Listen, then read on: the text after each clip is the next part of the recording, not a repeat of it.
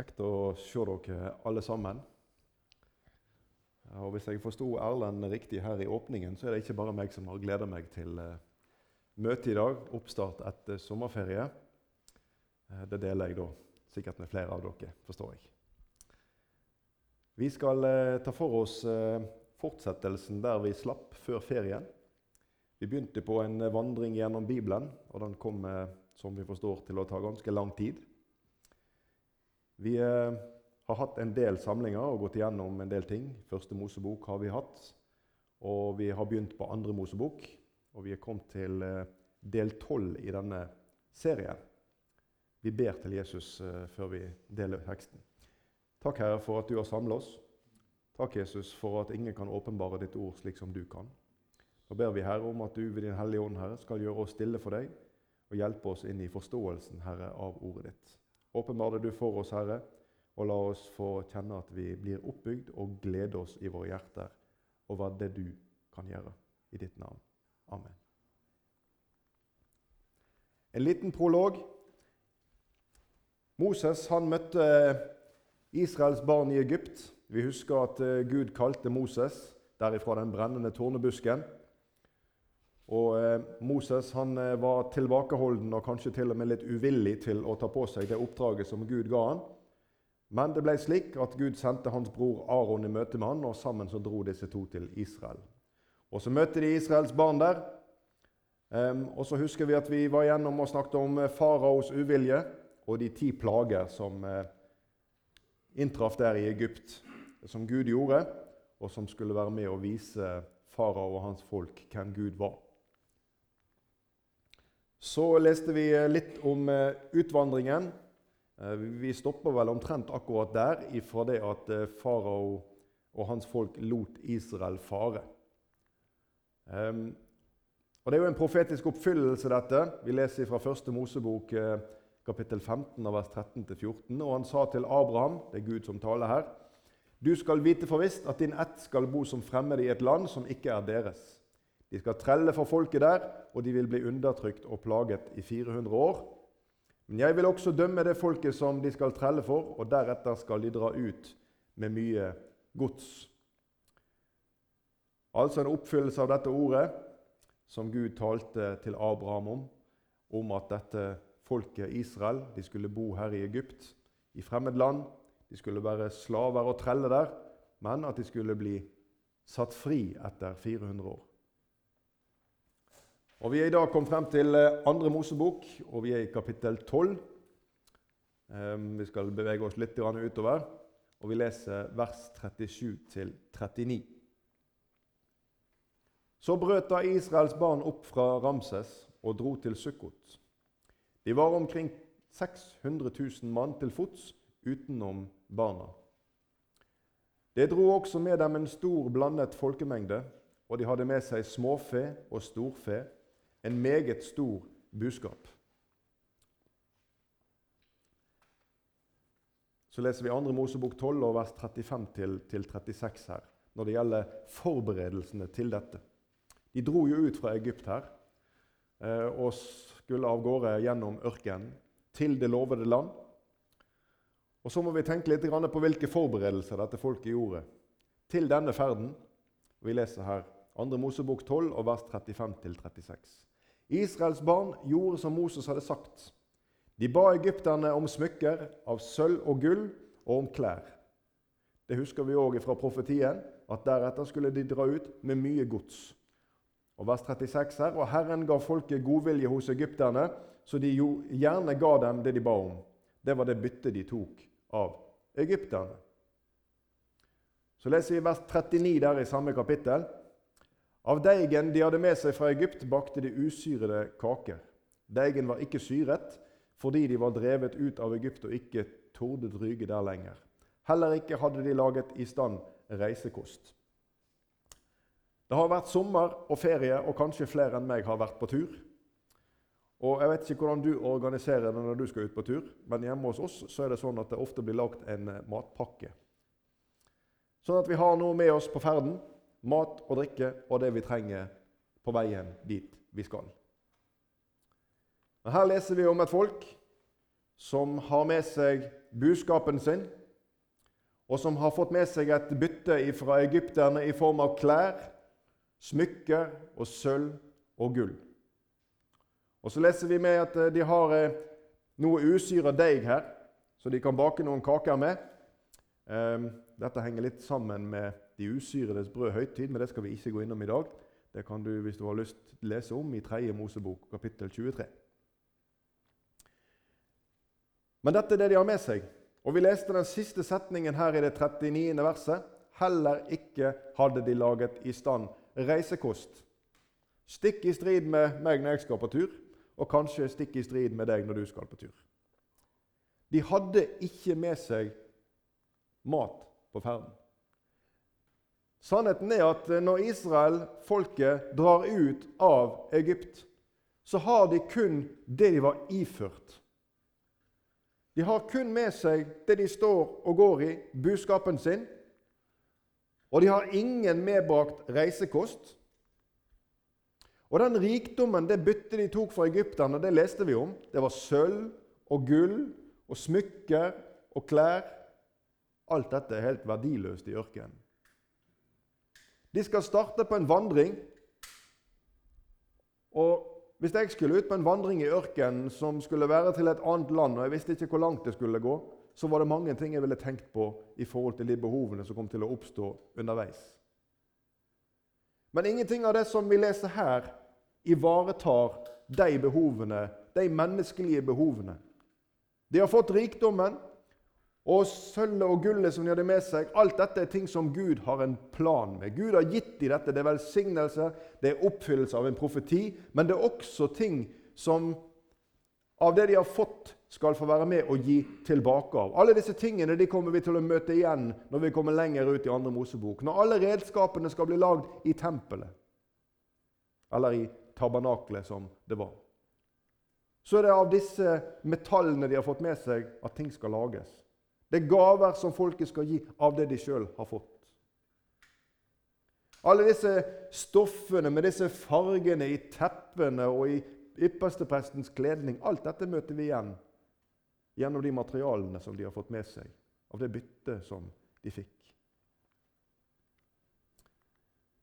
Budskapen som de har fått med seg, alle dyrene deres, ja, de er helt hjelpeløse her i ørkenlandet. Vi kan tenke at De har jo med seg budskap her, så de har jo proviant i massevis. Men uten vann, hvor lenge lever buskapet?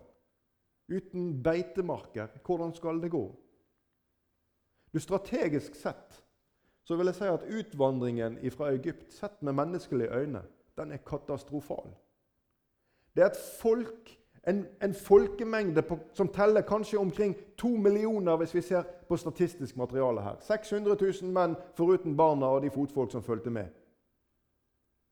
Hvis vi ser på generasjonene fra Jakob og frem, og hvis du, jeg har i fall lest litt statistisk materiale her, og man regner ca. to millioner i, i, tall her, som drar av gårde ut i ørkenlandet, ut der i den steikende sola på dagen og i den isende kulden på natta, uten vann, uten medbrakt reisekost, bare drar av gårde. Katastrofe. Du, Det finnes en del sånne historiske hendelser som er med å peke litt på. Hvis vi et lite kort blikk på Napoleons tilbaketog fra Russland i 1812. Kanskje du har masse historiekunnskap og husker mye omkring dette. Men det som i praksis skjedde, det var at logistikken svikta. Og Napoleon, nesten hele hæren hans, omkom av sult og kulde. De fikk ikke forsyninger, de hadde ikke det de trengte på sin ferd på dette tilbaketoget ifra det som ble en overmakt for dem, som ikke de kunne klare å hanskes med, og så skulle de retrere og trekke tilbake igjen. Og så mangler de det de trengte på ferden. Eller Hitler og oljen, for å sette ord på det. Det store krigsmaskineriet til Hitler som etter hvert som den andre verdenskrig gikk mot slutten, så sto stridsmaskinen igjen langs veikanten og mangla drivstoff. Ressursmangel. Det finnes mange slike eksempler, men dette var nå bare for å, for å peke på hva logistikk har å si, hva etterforsyning har for rolle. I krigens verden så er det en betingelse for seier. Uten etterforsyning, uten å få tilført de tingene vi trenger av ressurser mat, klær, drivstoff, våpen, ammunisjon og alt dette som det er behov for i krigen. Og Vi skal ikke mange ukene tilbake igjen hvis vi fulgte med litt i nyhetene, hvordan den russiske kolonnen sto innover i Ukraina og ikke kom videre. Logistikk, etterforsyning, nøkkel. Du, når Israel går ut av Egypt, så har de ingen kløktig uttenkt strategi. Moses har ikke sånne store kart med hvor henne de skal gå, og hvor lange dagsvandringene skal være, og hvor de skal stoppe henne, hvor henne dyrene skal beite henne. De har ingen logistisk plan.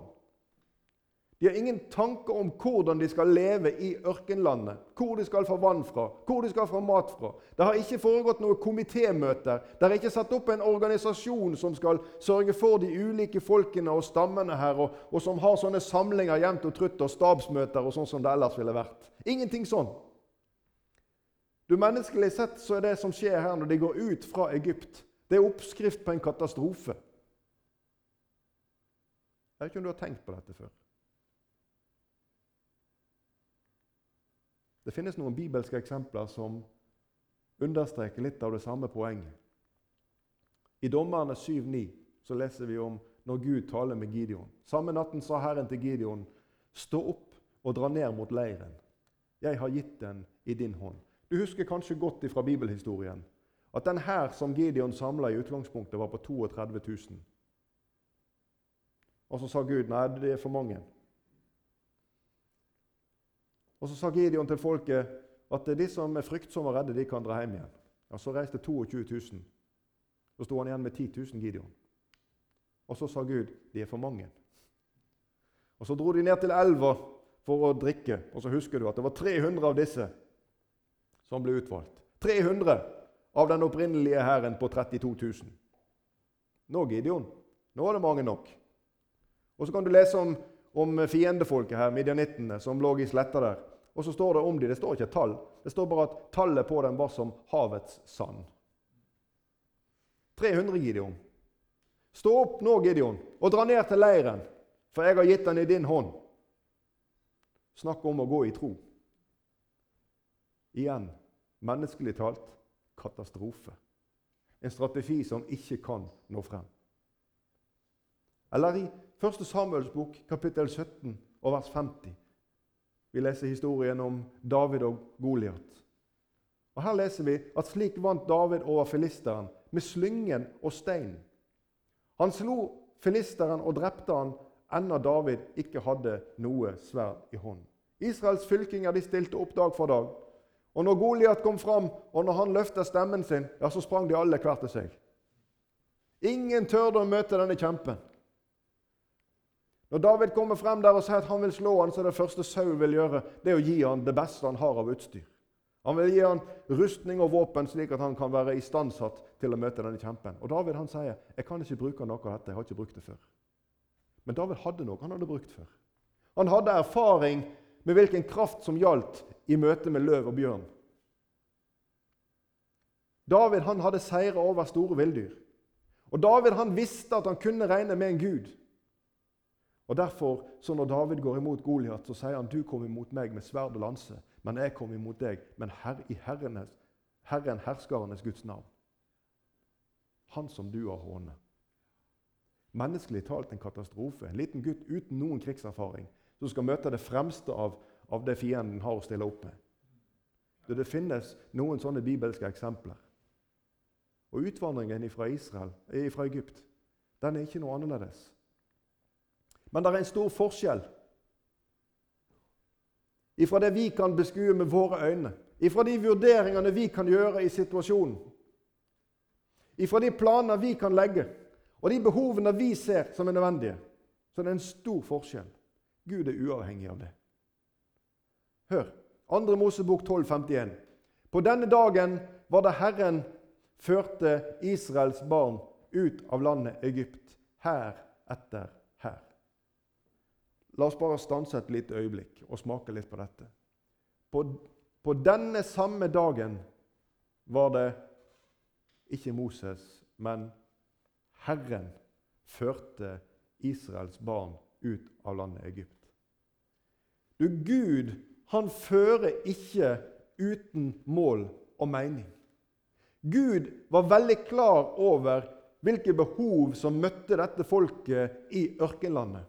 Gud visste at de måtte ha drikke, at de måtte ha mat på veien. Gud visste at de kom til å møte ulike problemer på veien. Gud visste om at de kom til å snu han ryggen på veien. Gud visste at de kom til å lage seg en avgud av det byttet han hadde sørga for at de hadde fått fra egypterne. Gud visste alt dette. Og Hadde Gud vært en hevngjerrig Gud, så hadde han sendt dem ut i ørkenen, og så hadde de dødd. Men det er ikke Gud. Gud hadde et løfte knytta til dette folket. Han skulle føre det gjennom denne ørkenen, ut av fangenskapet og til et land som flyter med melk og honning. Og Derfor er det Herren som fører Israel ut av Egypt. Og Moses og Israel ja, de handler på Guds løfte. De stoler altså på Gud for de dagene som skal komme deretter, på alle måter. Nå har de litt kjennskap til åpenbaringer fra dette profetordet. Om at nå er tiden kommet, nå skal vi vandre ut. De hadde sett tegna under, de hadde sett de ti plagene som rammer egypterne. Og de hadde troen på Gud gjennom det de hadde opplevd, og det ordet de hadde hørt. Og så var det nok ved vandringens begynnelse. Og så lurer jeg på om vi kan kjenne oss igjen i noe av det. Troen på Jesus var nok ved vandringens begynnelse. Men så så kommer hverdagen. Så kommer ørkenvandringen. Så kommer alle behovene. Du, Vi kan ha ulike, og jeg tror vi har mange felles relasjoner til det vi kan lese om om Israel fra deres utfrielse og gjennom den vandringen som de hadde i ørkenen. Både i forhold til velsignelser som de fikk, og også i forhold til prøvelser som de møtte. Så tror jeg at vi kan kjenne oss igjen i mange ting. Og Disse ordene er, som Paulus skriver til oss i Romerbrevet, de er skrevet oss til lærdom. For at vi kan ha håp. Det er det budskapet her som, som Skriften gir oss. Den store forskjellen vi leser om i Jesajas 41,10. Frykt ikke, jeg er med deg. Se deg ikke engstelig om, for jeg er din Gud. Jeg styrker deg og hjelper deg og holder deg oppe med min rettferds høyre hånd. Du, dette er et løfte for din livsvandring sammen med Jesus. For Jesus han har en plan for ditt liv. Den dagen du sa ja til han, han utfridde deg fra Satans makt og grep, og satte deg over, som vi leser i Bibelen, ifra døden til livet, så begynner det en ny vandring. En ny vandring som ligner på denne som Israel har ute i ørkenen. Hvor hver dag så har du bruk for himmelsk logistikk. Hver dag så har du bruk for det Gud kan gi på vandringen. Du, Implisitt så står det i dette verset som vi leste i, i Isaiah 41,10, om at det kommer til å oppstå grunner til frykt og engstelse. Og det kommer til å bli situasjoner hvor du vil kjenne at du mangler krefter. Men da må du huske det som står i dette verset her, at 'jeg er med deg i presens'. Jeg er med deg alltid og Det er det som er årsaken til at du trenger ikke å frykte. Hvis du leser Det nye testamentet, så vil du finne 125 ulike Jesusbefalinger. En av 20, 21 av disse, som er det mest gjentatte som Jesus sier, vet du hva det er? Frykt ikke. Frykt ikke. Jeg er med deg. Jeg er din Gud. Allmaktens Gud. Han som skapte alle ting som vi kan se. Han har kontroll. Jeg styrker deg og hjelper deg, sier ingen ringere enn denne verdens skaper. I 1. Korinterbrev 1,9 der leser vi at Gud er trofast. Han som kalte dere til samfunn med sin sønn Jesus Kristus, vår Herre. Og nå nærmer vi oss nøkkelen her. Samfunn med sin sønn Jesus Kristus, vår Herre. Hva var det Israel trengte mest av alt under vandringen? Jo, de trengte å være himmelvendte. De trengte kontakten med Han som kunne hjelpe dem med det som de trengte. Og slik er det med deg og meg. Vi trenger kontakten, samfunnet med Jesus. For han vet hva vi trenger. Ikke bare i det timelige, men i vårt åndelige liv. Du, Detaljene i profetordet det ivaretas helt forunderlig. Er det noe som virkelig eh, jeg må si, engasjerer meg når jeg sitter og blar i Bibelen min, så er det detaljene og detaljrikdommen som finnes i Guds ord. Og han er så utrolig nøyaktig. Det har vært oppgaver jeg har hatt i livet hvor jeg synes at nå har jeg vært flink å huske på mange ting. Men når jeg leser i Bibelen, så må jeg si, da, da, da bleikner alt jeg kan klare å komme på, og, og prøve å sole meg i glansen av. For Gud, han er helt forunderlig. Jeg vil bare ta med en liten detalj her. 2. Mosebok 13, 19. Og Moses tok Josef, Josefs bein med seg. For Josef hadde tatt en ed av Israels barn og sagt:" Gud skal visselig se til dere, og da skal dere føre mine ben med dere opp herfra. Referansen til dette her, det finner vi i Første Mosebok. Vi kan lese det. Første Mosebok 50, og vers 24-25. Josef sa til brødrene sine.: Jeg dør, men Gud skal visselig se til dere og føre dere ut av dette landet, til det landet han med ed lovte Abraham, Isak og Jakob. Så tok Josef ed av Israels sønner og sa:" Gud skal visselig se til dere, og da skal dere føre mine ben opp herfra. Prøv å sette deg litt inn i den situasjonen. Når Egypt og farao og alle folkene hans her, de, de, de, presser på. Vi er dødsens, sa de, etter de hadde opplevd at dødsengel gikk igjennom og førstefødte i alle hjem omkom blant egypterne. Og Det er liksom det om å gjøre for Israel av gårde og få de ut. Og så har vi vært innom og snakket litt om, om, logistikk og alt de skulle ha med seg, og byttet som de tok, og alt som skulle pakkes og alt som skulle ordnes. og Tenk på det folkehavet. Og midt i alt dette Ja, vi måtte ta med oss eh, Josef sine bein. Har du, har du tenkt på det? At dette skulle skje samtidig? Og det er ikke sånn at eh, ah, det var de der beina, de må vi tilbake igjen og hente. Det er ikke sånn det foregår. Her er det nøyaktig oppfyllelse. Da skal dere føre mine bein opp herfra. Og det skjedde slik som bibelordet. Jeg vil bare ta det med, for at Gud han er forunderlig nøyaktig. Og han står med sine løfter 100 Han har ingen ressursmangel. Han står ved det slik som han har sagt det. Andre Mosebok 13, vers 21-22. Her starter vandringen, og vi leser. Og Herren gikk foran dem om dagen i en skystøtte for å lede dem på veien, og om natten i en ildstøtte for å lyse for dem. Slik kunne de dra fram både dag og natt. Skystøtten vek ikke fra folket om dagen, og heller ikke ildstøtten om natten. Merk deg at reisens mål den er oppgitt. De, de har fått vite det. De har sagt vi skal komme til et land som flyter med melk og honning. Og For de som hadde lest profetordet, så skjønte de at dette er Kanans land. Men veien hvor de skal gå, hvordan dette skal skje, ja, den er ukjent for folket. De går her, og så leste vi nå at Herren gikk foran dem. Jeg er skystøtte synlig om dagen, og jeg er ildstøtte synlig om natta. Og Da kunne de altså dra fram både dag og natt.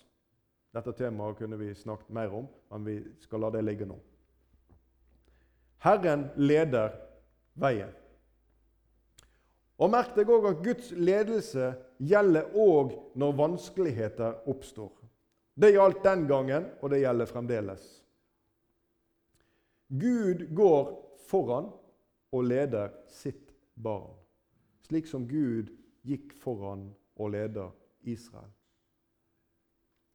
Så kommer altså dette folket til Rødehavet.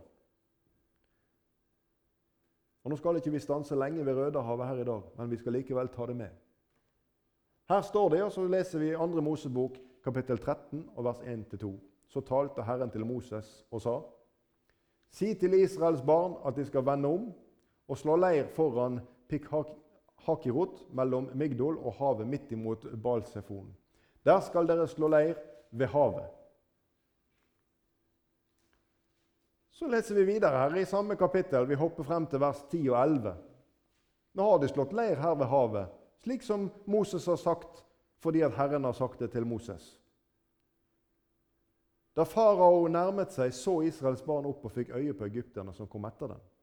Da ble Israels barn grepet av stor redsel, og de ropte til Herren. Og de sa til Moses, fantes det ikke graver i Egypt siden du har ført oss hit for at vi skal dø i ørkenen? Hvorfor har du gjort dette mot oss og ført oss ut av Egypt? Du, Nå er lyden blitt en annen.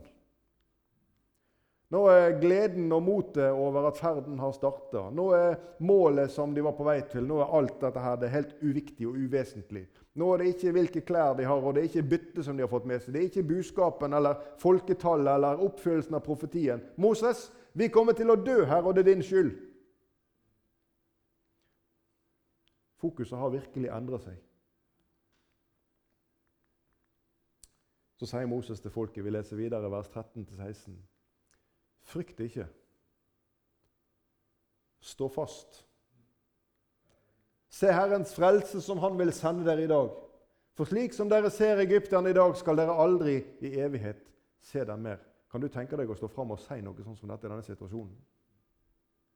Husker du Jesus sine ord til disiplene i båten på Genesaretsjøen. 'Herre, frels, vi går under', sa disiplene. Hvordan kan du sove? Hvorfor er dere så redde? var svaret de fikk. Hvorfor har dere så liten tro? Se for deg situasjonen der. Livredd. Du, Dette er det samme som skjer her i ørkenen. Frykt ikke sier Moses, stå fast. Og se Herrens frelse, som Han vil sende dere i dag. Vers 14.: Herren skal stride for dere, og dere skal være stille. Og hør videre her. Herren sa til Moses, 'Hvorfor roper du til meg?' Si til Israels barn at de skal dra videre. Og du, løft nå din stav og rekk din hånd utover havet. Og da skal du kløve det, så Israels barn kan gå midt gjennom havet på tørre bunn. Du, Gud, han gjør veier der ingen veier er. Gud trenger ikke at landskap og topografi skal på en måte på forhånd være i orden for at han skal kunne lage en farbar vei. Gud trenger ikke at vi bereder grunnen for at han skal gjøre sitt under. Gud er ikke avhengig av dine og mine ressurser. Han skapte alt av ingenting. Han talte, og det sto der. Gud han ber om én ting ifra mennesket, og det er villige hjerter. Det er det eneste han ber om. Han ber om villige hjerter. Han ber om, om ører som hører, som kan ta imot hans vilje og la dem få bo i sitt hjerte. Og Guds vilje er at alle mennesker skal bli frelst. Her står Israel, og her står Moses. Og så får Moses dette budet fra Gud. Løft nå staven din, Moses, og rekk hånda di utover havet. Og så skal du kløyve det, så Israels barn kan gå gjennom havet på tørre bunn. Du, Denne staven den skal vi bare stoppe litt kort med. Den kunne vi sagt en del mer om, men vi skal stoppe helt kort om den. Hva sa Gud om denne staven? Nå står Moses her ved havet og har med seg denne skaren på kanskje to millioner mennesker. Havet foran og støvskyen av egypternes hær, denne der bak. Hva sa Gud om denne staven? Nå, nå, nå kunne Moses Gud, eh, Hva redskaper er det du tenker vi skal bruke her? Jo, ta denne staven, Moses, og strekk den ut. Denne staven har en historie. I 2. Mosebok kapittel 4 vers 17 så sa Gud til Moses Ta nå denne staven i hånden, og med den skal du gjøre tegnene. Vil jeg også si til deg at Denne staven den hadde Moses før han kom frem til tornebusken som brant der i ørkenen. Så hadde Moses denne staven. Og så gjorde Gud noe. Vi leste her 'Løft nå din stav'. Du, Denne staven Den har en gang vært ei grein på et tre, som er brukket av, som er død, og som nå holdes i en gjeters hånd, for det var det Moses var.